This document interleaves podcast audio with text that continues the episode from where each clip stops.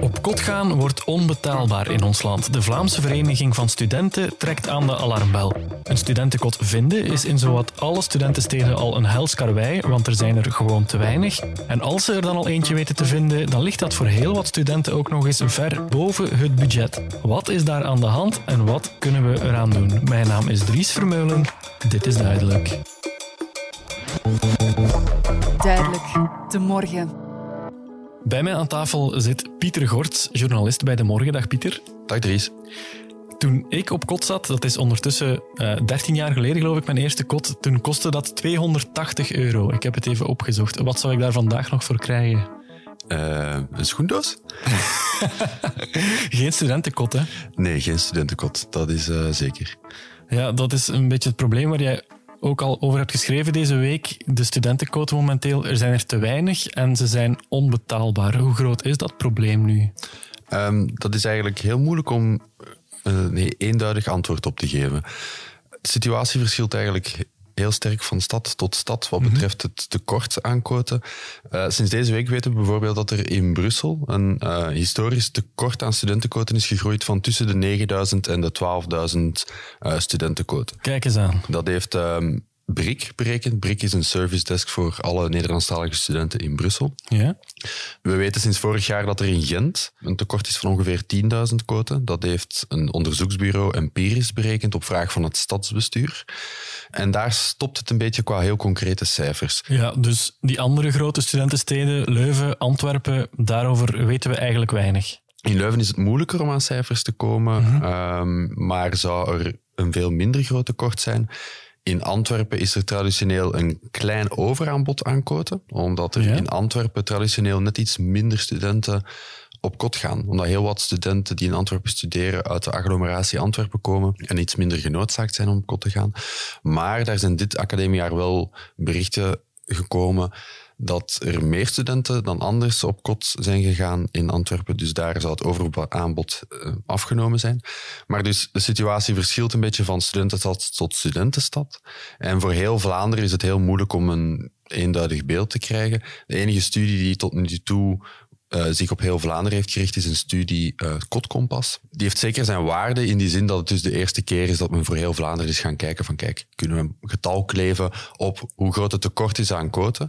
Het getal dat daaruit kwam was uh, 95.000 quoten die nodig zouden moeten zijn tegen 2030 om het tekort op te vangen. Poeh. Dat is een gigantisch aantal. Ja. Het enige probleem is een beetje dat we niet 100% weten hoe die studie, we weten dat die studie is gemaakt op basis van een enquête en men heeft ook wel wat uh, openbare data gebruikt van Statistiek Vlaanderen bijvoorbeeld, maar het is moeilijk de vinger erop te leggen hoe ze exact op dat getal zijn gekomen. Maar dus samengevat, er is een tekort, dat weten we. En dat tekort zal alleen maar toenemen. Dat weten we ook. Ja, het is zelfs ook geen klein tekort. Hè. Bijvoorbeeld, ja, in Gent zitten ongeveer 50.000 studenten op kot en daar zijn 10.000 koten te weinig op dit moment al. Hoe komt dat nu dat dat probleem plots zo groot is? Uh, eerst en vooral was het lang een sluimerend probleem. En wat we ook al een hele tijd zien, is dat het aantal studenten dat kiest voor hoger onderwijs toeneemt. Mm -hmm. En we weten dat het nog zal toenemen. Dus dat is al een eerste grote verklarende factor voor waarom dat we dat nu ja, lijkt zo plots voelen. Maar eigenlijk, wie terug gaat kijken in krantenarchieven, ziet dat dit soort berichten wel al vaker zijn teruggekomen de laatste tijd. Ja. Net zoals de berichten van studenten die klagen over uh, de prijs van quoten die uh, stijgen. Dat is ook iets dat we eigenlijk al een hele tijd zien. Maar dit academiejaar om de een of andere reden veel feller in de aandacht komt. Ja. Is dat die stijgende prijzen, ja, natuurlijk, de inflatie speelt daarin mee. Alle prijzen stijgen, dus ook de, de, de huurprijs van een studentenkot. Maar ik kan me voorstellen dat de huurbazen, de eigenaars van de gebouwen, bijvoorbeeld ook de energieprijzen proberen te compenseren en daardoor er telkens weer een forse lap bij doen. Of is dat maar een idee? Nee, dat klopt inderdaad. Er zijn heel wat studenten die vertellen dat ze dit jaar van hun kotbaas te horen krijgen. Ja, volgend jaar zal de huurprijs opslaan, want ik kan niet anders. Ik moet mm -hmm. nu eenmaal die energiekosten ergens doorrekenen. Ook bijvoorbeeld de Vrije Universiteit Brussel, die biedt net zoals ongeveer alle universiteiten eigen kamers aan aan studenten. Dat zijn dan vaak kamers aan een iets beter tarief, waarvan soms ook een deel wordt voorbehouden voor bijvoorbeeld beursstudenten. En zelfs de Universiteit Brussel heeft moeten zeggen aan de studenten, kijk, dit jaar is de huurprijs 321 euro. Vanaf volgend jaar zal dat 371 euro zijn. En zo sprak ik met een student die daar op kot zit en die zegt van, kijk, ja, dat leeft hier wel. Ik ken al mijn vrienden en vriendinnen. Wij voelen dat. En er zijn sommige van de mensen hier bij mij die op de gang zitten, die mij al hebben gezegd van, ja, dat zorgt ervoor dat ik volgend jaar niet meer op kot zal kunnen gaan en dat ik zal moeten pendelen. En die 371 euro, dat is dan eigenlijk een goedkoop kot op dit moment. 371 euro, denk ik, is inderdaad wel best goedkoop. Als we nu Wederom, het is heel moeilijk om voor heel Vlaanderen cijfers te nemen, omdat de situatie sterk verschilt van stad tot stad. Maar als we nu kijken naar de duurste studentenstad, um, of een van de duurste studentensteden, dat is Brussel traditioneel. Daar is de mediaanprijs voor een gewoon kot 450 euro. Ja, dat is waanzinnig veel. Hè? Ja, en in Brussel is het zelfs... Dat was een cijfer waar ik zelf echt van achterover gevallen ben, maar volgens een onderzoek van de Brusselse administratie zou tot een kwart van de Brusselse koten in de prijscategorie van 800 euro of meer vallen. Een kwart. Ja. ja, want dat hoorde ik ook op de radio, dat er ondanks dus dat nijpende tekort aan studentenkoten, is er wel een enorm aanbod aan luxe koten. Koten met, weet ik veel, een pingpongtafel, een vergaderzaal, een fitnesscenter eraan. Dingen die studenten eigenlijk, of die de gemiddelde student eigenlijk helemaal niet nodig heeft en ook niet kan betalen. En daardoor is er dus minder ruimte voor gewone studentenkoten. Ja, klopt. Daar is zeker iets van aan. Er zijn inderdaad meer koten in het duurdere segment van de mhm. markt. Ten dele valt dat ook te verklaren door het feit dat heel wat ontwikkelaars zich in de laatste jaren op de markt hebben gericht. En dat die ontwikkelaars ook vaker dat soort koten aanbieden. Om nu een heel specifiek geval eruit te pikken, in Brussel bijvoorbeeld, is er nog een extra verklarende factor. In de regelgeving van het gewest, de stedenbouwkundige regelgeving, bestaat de categorie studentenkamer niet. Um, die bestaat wel voor studio's, voor kamers van minstens 22 vierkante meter. Oké. Nu, wat doen ontwikkelaars die dan nieuwe uh, studentenvoorzieningen of studentenhuisvesting willen bouwen in Brussel? Die richten zich op die studio's. Eerst en vooral omdat dat interessant is voor hen, maar ook wel omdat ze daar zeker zijn dat de kamers die ze bouwen reglementair zijn en een brandvergunning zullen krijgen. Dus dat is iets dat bijvoorbeeld Brik deze week ook aanklaagt van kijk, Brussel, hier is de regelgeving nog niet goed afgestemd op studentenhuisvesting. Daar moeten we misschien naar kijken, want doordat die specifieke categorie studentenhuisvesting ontbreekt, vallen heel wat kleine kotenbazen die één huis hebben met een paar koten in, die vallen ervan tussen, omdat die door gebrek aan regels een beetje het bos door de bomen niet meer zien. En zeker als ze willen renoveren of aanpassingen doen aan een kot, dan zijn ze helemaal een vogel voor de kat, want welke regels moeten ze dan nog volgen? Ze zijn niet zeker dat ze een brandvergunning zullen krijgen. Daar klopt Brik terecht op tafel en zegt van sorry, maar hier moeten we een duidelijk kader voorzien om hieraan tegemoet te komen in de toekomst.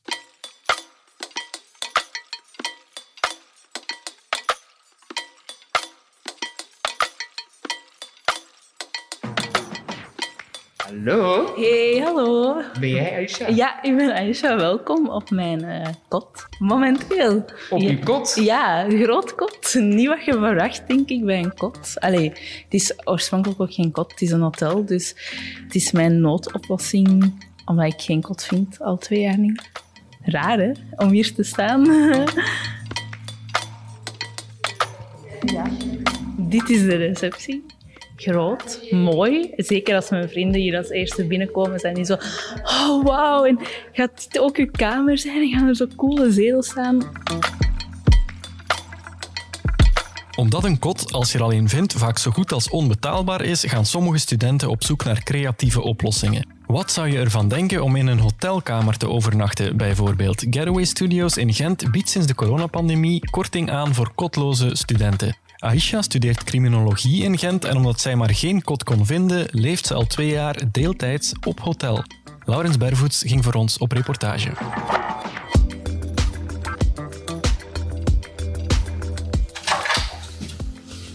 Oké, ja, dit is het. Het is wel echt een studiootje, moet ik zeggen. Eigen badkamer, eigen ja, keuken, twee persoonsbed, zelf een zetelbed.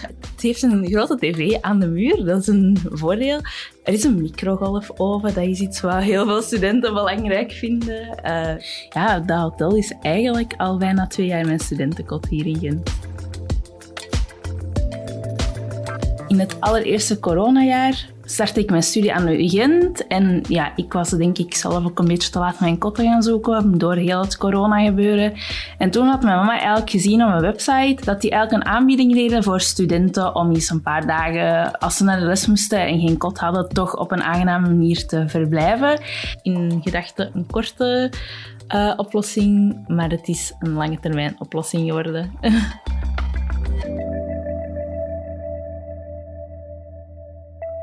denk dat oprecht wel een aantal mensen ook echt wel overwegen om dit te doen, aangezien het echt wel problematisch aan het worden is. Ik heb ook al heel vaak naar een kot gestaan en dan een bezoekdag gehad en dat we uitgenodigd waren en dat er gewoon al papiering, sorry, alle koten zijn al verhuurd. Bij andere koten is dat niet zo. Dan is het echt, je staat daar misschien met vijf, zes andere mensen en iedereen wil een kot. En je bent nog niet binnen, heeft bij wijze van spreken al iemand gezegd, hey, ik wil dit kot nemen Allee, dat klinkt nu voor heel veel mensen belachelijk, maar het is wel echt soms een fractie van een minuut of twee minuten. Ja, het is al zo moeilijk om gewoon een deftig kot te vinden. Maar een kot dat alles recht staat en niet beschimmeld is, bij wijze van spreken. Nu, eerlijk gezegd, zelf een kot met alleen maar gemeenschappelijke delen, heb je heel vaak niet meer onder de 500 euro. Dus als ik hier echt een week zou zitten zoals ik op kot zou zitten, zou ik echt wel heel hard over mijn kotbudget gaan. Maar op zich is het wel dezelfde prijs ongeveer. Dus ja. Ik heb best wel al veel ondernomen. Dus dat is begonnen met, oké, in elke Facebookgroep van koten in Gent zit ik al ondertussen. Al mijn vrienden zijn ook wel actief mee op zoek naar een kot geweest. Maar ik ben ook ingeschreven op sites waar dat, allee, kotbazen een zoekertje kunnen plaatsen. Waar dat je dan betalend eigenlijk een reactie op kunt geven. Via via van oké, jij zit op kot, uh, gaat er niet iemand weg, komt er geen plaats vrij. Er was al een knop in mijn hoofd die ik om had gedraaid van je kunt niet alles wat je nu wilt, dat gaat niet.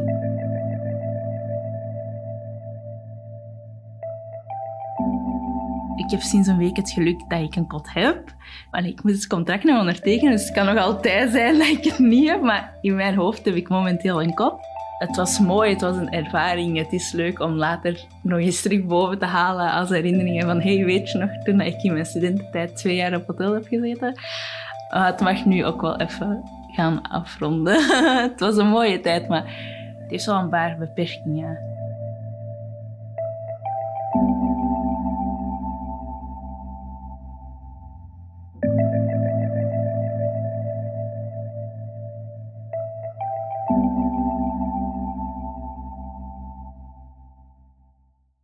Studenten gaan op hotel omdat ze geen kot vinden. Dat is al bijna absurd te noemen, hè? Uh, dat is zelfs volmondig absurd te noemen.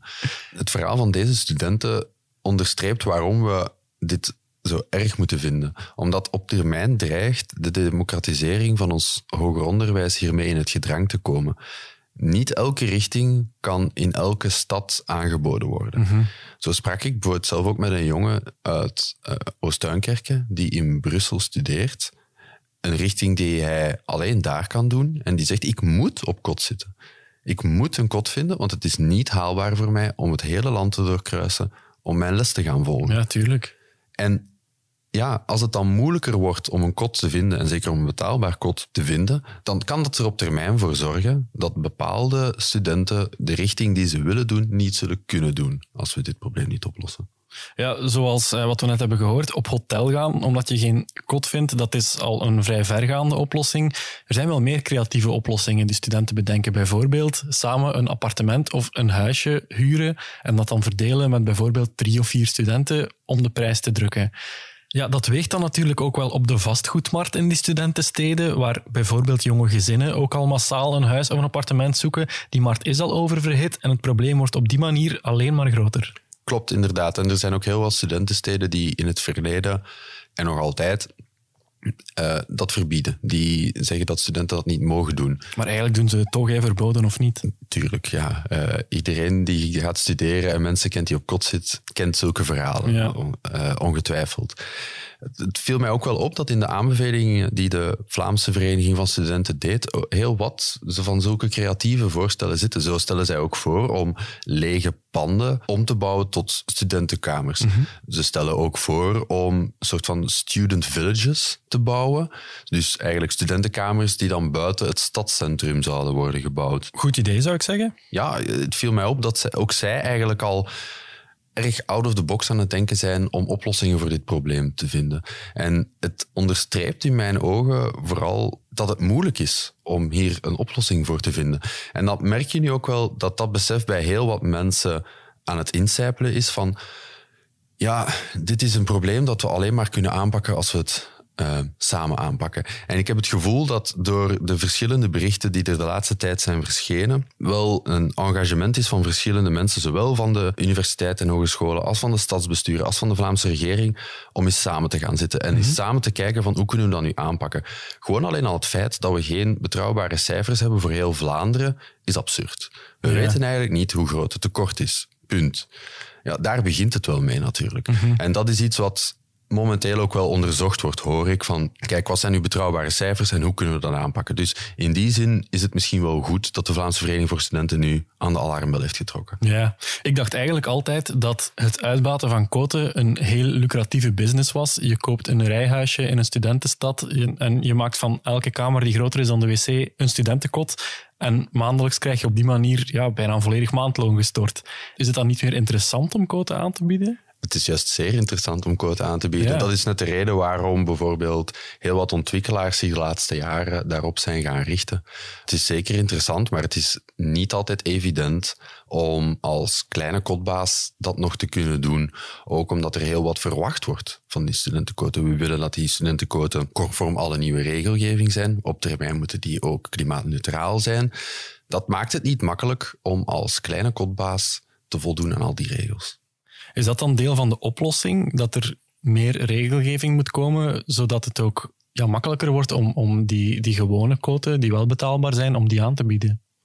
Eh, ja, dat denk ik wel. Het is ook iets wat de Vlaamse Vereniging voor Studenten bijvoorbeeld nu vraagt deze week aan de Vlaamse regering. Van alsjeblieft, steek de koppen bij elkaar en zorg ervoor dat er een kader wordt gecreëerd dat het mogelijk maakt om meer quoten te bouwen en ook meer betaalbare quoten. Dat is ook iets wat zij vragen. Zorg ervoor dat als er quoten komen of bijkomen, dat bijvoorbeeld minstens een kwart van die quoten voldoet aan de definitie van een basiskot. Echt gewoon een kamer met een bed, een- stoel, een bureau, een kast en voilà. Dat Ja. is het. Een ander deel van de oplossing is dat bijvoorbeeld hoger onderwijsinstellingen zelf, universiteiten en hogescholen, nog meer zelf gaan inzetten op het voorzien van huisvesting. Voor alle duidelijkheid, dat doen ze ook al nu. Ze, ze zijn ook bezig met het bijbouwen van eh, studentenkamers.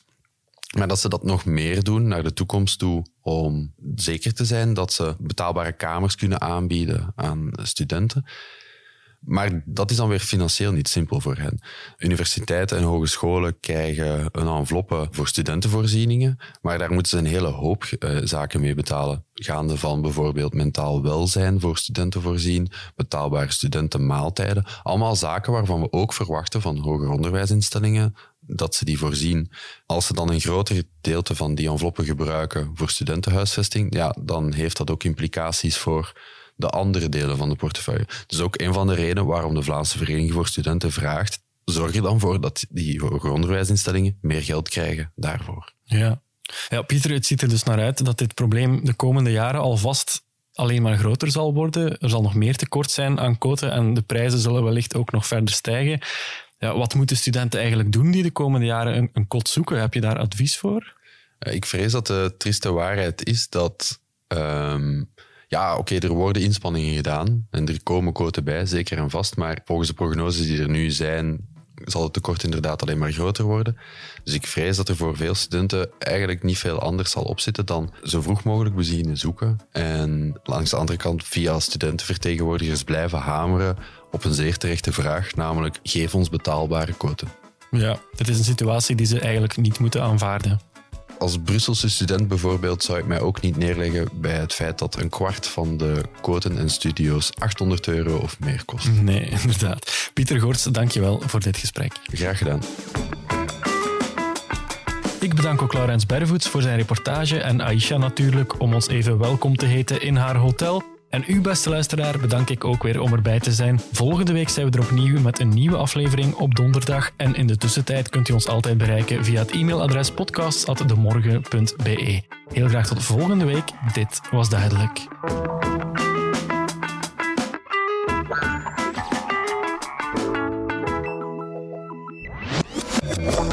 Duidelijk. De morgen.